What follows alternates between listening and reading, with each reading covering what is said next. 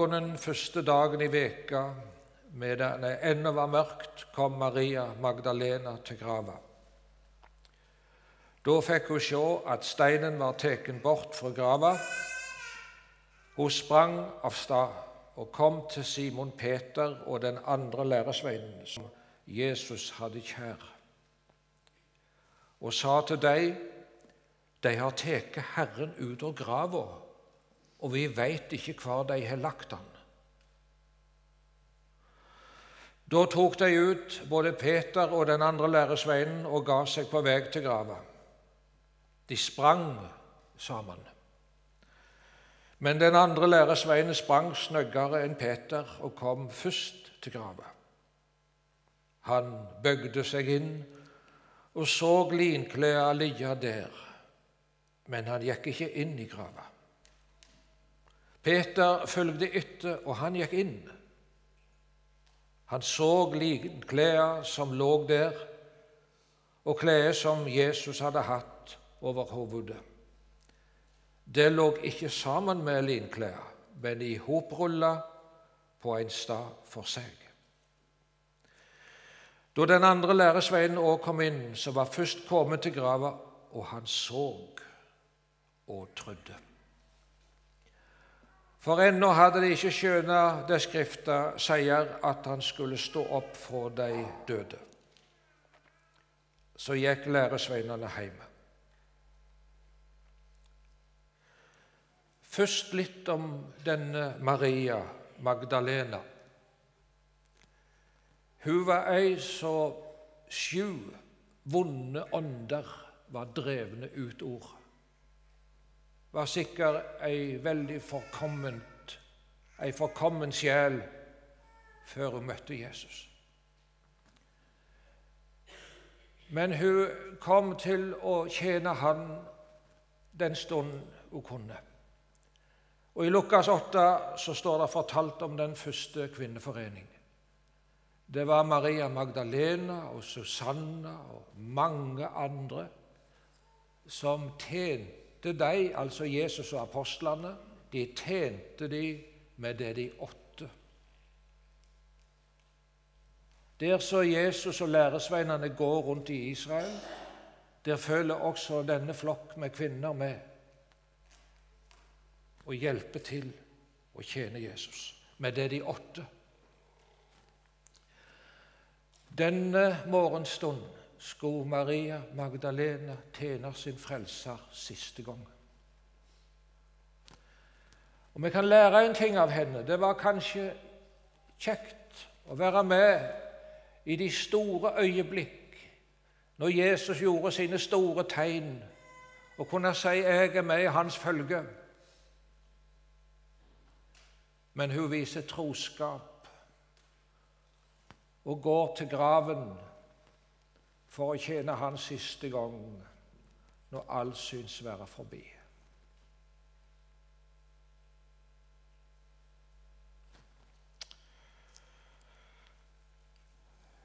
Hun eh, ser at steinen er borte. Steinen ble ikke tatt bort for at Jesus skulle få komme ut, men for at kvinnene skulle få se inn. Han er oppstanden. Hun kommer til Peter og den andre læresveinen. Og På en eh, annen plass så står det skrevet at de sprang ifra graven, disse kvinnene, i store frykt. I en litt eldre nynorsk oversettelse så står det skrevet det at forfælska hadde tatt de. De fælte, som vi sier på Jæren. De var livredde for det som hadde skjedd. De forsto ingenting. Og Her er en ting av det som jeg har tenkt ganske mye på til denne dagen. Det var veldig lite som Jesu læresveiner hadde oppfatta av løftet om Jesu oppstandelse, og likeens at han skulle dø. Jesus sa det til dem flere ganger at han skulle lide og dø, og han skulle stå opp igjen. Den ene gangen han sa det, så står det skrevet det at de ble fulle av sorg. En annen gang han sa det til dem, så sier Peter, 'Det må aldri skje'.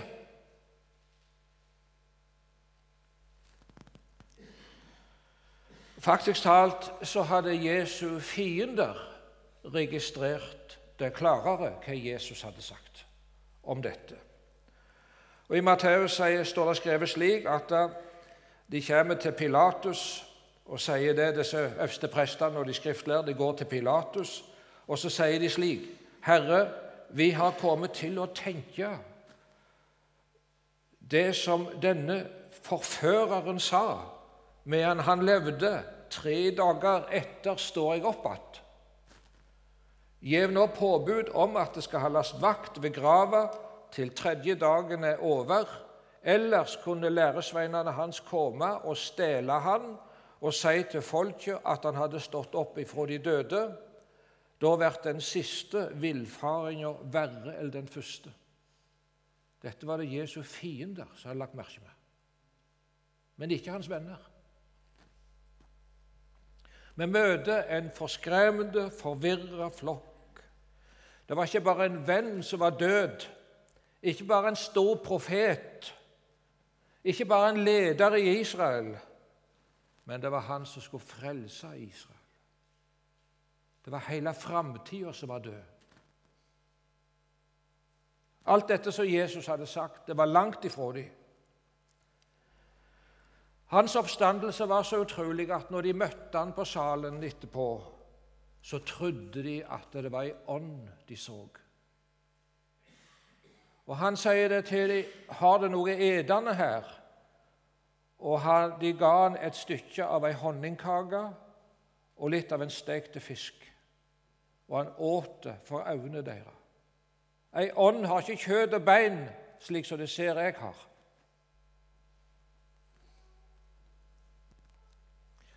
Da kvinnene kom og fortalte det til læresveinene, så står det skrevet det at læresveinene trodde først at det var løst snakk.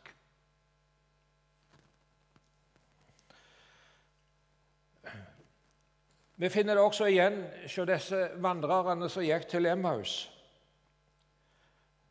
Eh, der er det Kleopas og en til. Jesus slår følge med dem. Men der står skrevet det at de kjente han ikke, eller deres øyne ble holdt igjen, står det i en oversettelse.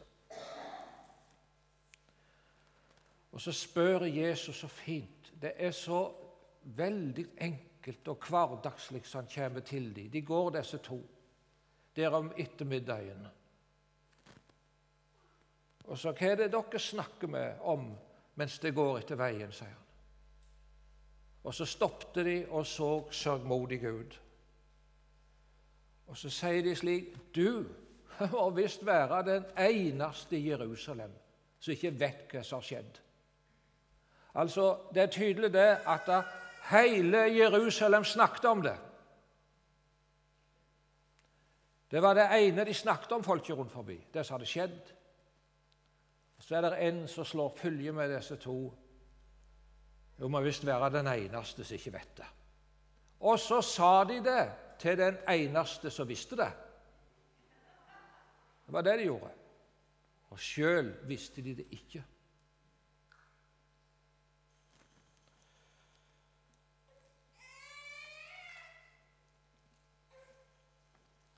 Vi ser også f.eks. dette med Thomas. Jesus hadde åpenbart seg for læresveinene sine. Og Så sier de det til Thomas. Vi har sett Herren. Ha, det tror jeg ikke. Dersom jeg ikke får se naglegapet i hendene hans og stikke fingeren min i naglegapet og legge hånda mi i sida hans, så vil jeg ikke tro det. I en eldre oversettelse så står det skrevet slik Så vil jeg ingenlunde tro.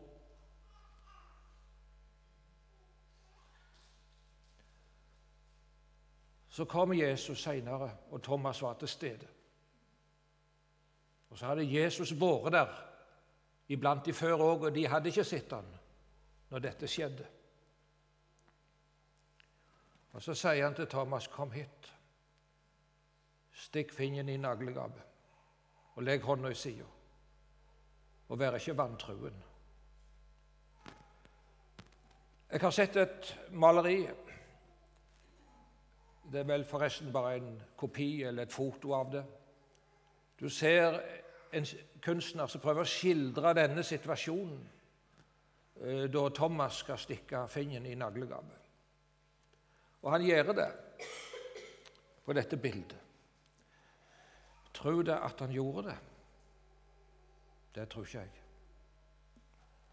Han sto der aldeles overvelda og sa 'Min Herre og min Gud'. Han fant ikke ord.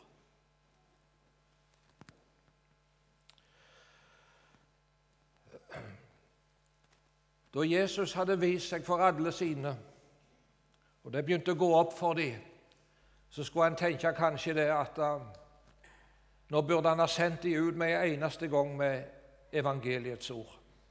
For nå var det så friskt og ferskt og nytt. Men han gjorde ikke det.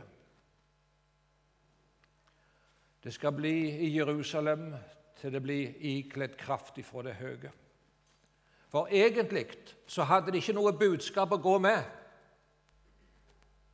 For egentlig hadde det ikke gått opp for dem hva dette var. At Jesu død på korset var en soning for verdens synd. De hadde ikke noe budskap å gå med.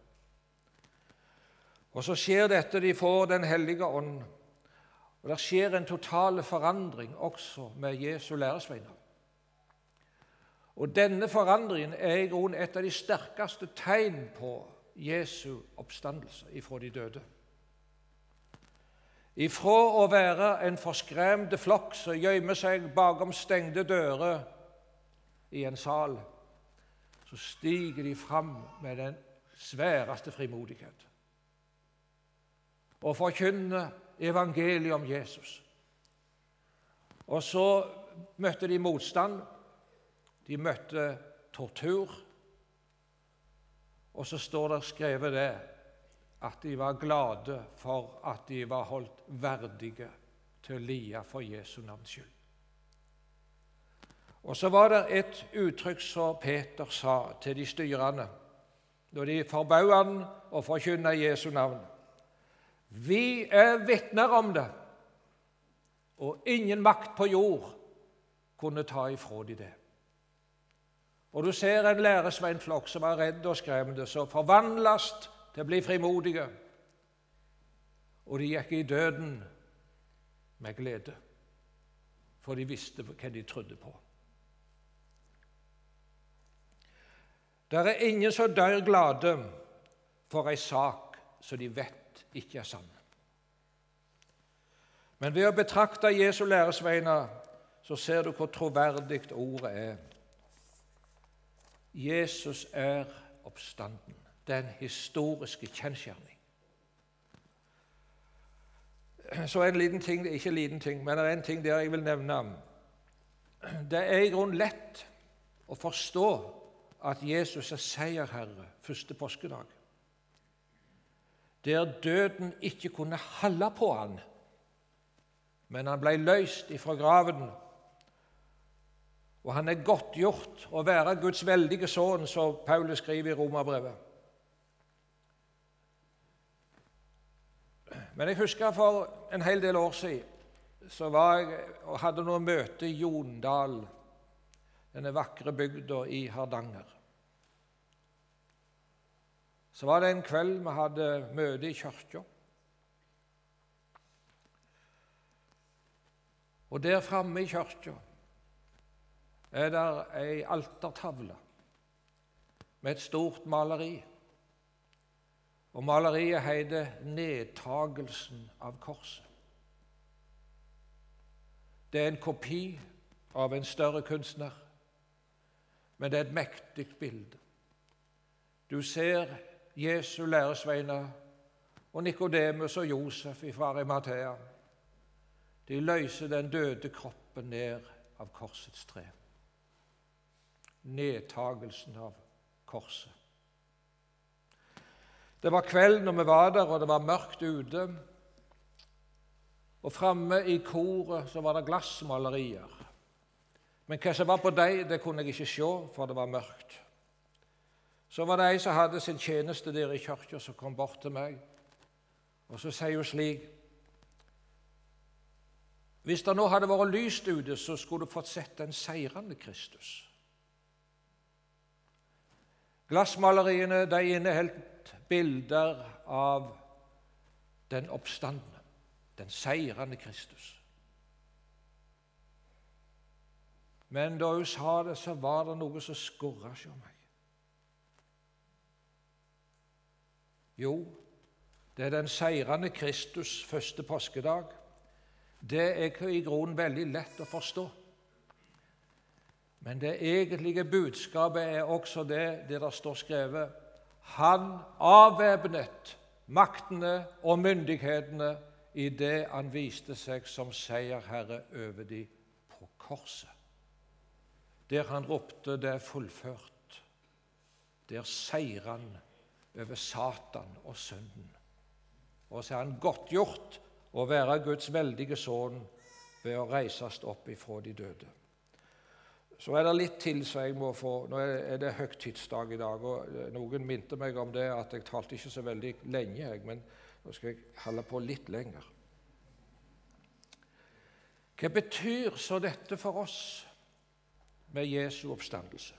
Jo, det betyr at han er levende i all, eva, i all eve. Han eh, er konge og herre.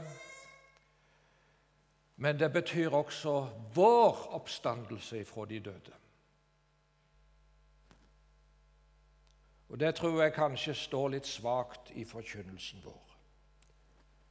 Der tales det om legemets oppstandelse. Det står også det at Kristus er førstegrøden. En førstegrøde det var en del av hausten de tok inn f.eks. av det de hadde høsta av korn eller grønnsaker. De tok inn lite grann, og så bar de dette liksom fram for Herrens åsyn som et tegn på at resten òg skal inn. Kristus er førstegrøden. Og det kristne håp det består ikke å bli løst fra legemet, slik som noen sier. Det er en ubibelsk tanke. For mange mange år siden så var det en sang som de sang i musikklag, og der sto det en setning Når sjelen blir løst fra sitt fengsel, da lengter min sjel aldri mer. Det er komplett ubibelsk. Det tales ikke om å bli løst fra legemet, men om legemets forløsning. Det er det som er den store forskjellen. Og her er Bibelen alene om dette vidunderlige budskap. Det tales om legemets oppstandelse. Ja, det ser ut som at hele skaperverket skal fornyes ved Jesu komme. Han som er opphavet til alt Guds skaperverk. Han som alle ting er skapte ved og til og i. Der ser ut til det skal bli en fornyelse av alt når Jesus Kristus kommer igjen og henter sine og gravene. Og Her er ei merkelig side som er kanskje litt vanskelig å snakke om, og jeg skal ikke drive med spekulasjoner. Men der går en sukk gjennom skapningen. Det sier Paulus. En sukk over det at det er forkrenkeligheten og forgjengeligheten en ligger innunder. Ikke bare mennesket, men alt som fins. Der står i en salme et sukk igjennom verden går Ei verden selv det sukk forstår. Og Det står skrevet i Romerbrevet 8.: For skapningen venta og lengta etter at Guds barn skal bli åpenbart. Det er merkelige ord. Skapningen ble lagt under forgjengeligdom, ikke frivillig. Det er de som sier at døden er livets naturlige slutt. Det er ikke sant. Døden er unatur. Og alt protesterer imot den. Mennesket og skapninga ellers òg. For den ble lagt inn under forgjengelighet, ikke frivillig, men etter hans vilje. Så la det inn under forgjengelighet. Gud tvang det den veien. Og ingen gang er døden mer unaturlig enn du må gråte ved et lite barns grav. Og Så sier Paulus videre det i von om at skapningen skal verte frigjort fra trelldommen og under forgjengeligdommen og nå fram til fridommen åt Guds born i herligdom. Det ser ut for at det som følger med Guds barns herlighet, skal skapningen få del i. Vel, jeg skal ikke si mer om det. Men hvem er det da som får del i oppstandelsen? La oss si litt til slutt om det. Det er de som følger lammet, som en sa det. Det er de som tror på Jesus. Det er de som ikke skjemmes av Han. Det er de som, forbærer, de som bærer forsmedelsens kors. Det er de som føler Han og får del i dette. Nå har det vært mye snakk om eh, karikaturer i vår tid. De har karikert Muhammed, og det er farlig. Det brennes på ambassader, det brennes flagg rundt forbi. Det er drapstrusler for de som har formasta seg til å gjøre en karikatur av den såkalte profeten. Så tenkte jeg på det en gang at det ble funnet en karikatur en gang i Rom, i byen Rom, eller Roma. Den var rissa inn i en kalkvegg. Og du ser en skikkelse som henger på et kors. En person. Denne personen er, er utstyrt med et eselhode. Nede i det venstre hjørnet så står det en person som løfter opp den høyre hånda si, som i tilbedelse. Så står det skrevet på gresk Alexamenos, altså personen heter Alexamenos. Alexamenos sebetekweon. Det betyr Alexamenos tilber sin Gud. Hva slags tegning var det der? Ja, ja, vi kan ikke være sikre på det, men all sannsynligvis så var det en spottetegning mot Kristus. Og en forhånelse av Aleksamenos, som tilber han på korset, som er utstyrt med et eselhode. Så tenkte jeg på det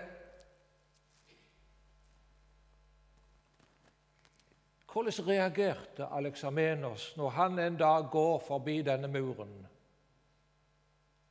og ser at han blir forhåna for sin tro skyld? Setter han fyr på et avgudstempel? Lagde han oppstyr i gatene? Protesterte han for all verden? Ville han brenne flagg? Nei. Hvis Alexamenos var Ja, det står bildet her nå. Se det, du verden. Alexamenos sebetekveon. Hvis Aleksamenos var en sann Jesu Kristi disippel, så vil han den dag være fylt av glede. Ikke fordi at Kristus ble gjort narr av, men var at han, denne ukjente Aleksamenos, fikk del i forsmedelsen i vanæren. Og det er det vi er kalte til folk. Å ta del i Kristi vanære. Å bære Hans kors. Og det skal vi òg gjøre i vårt land. Vi skal ikke hevne oss sjøl. Vi har større ting å være, ta vare på. Det var de tankene som jeg hadde lyst til å dele med dere i dag.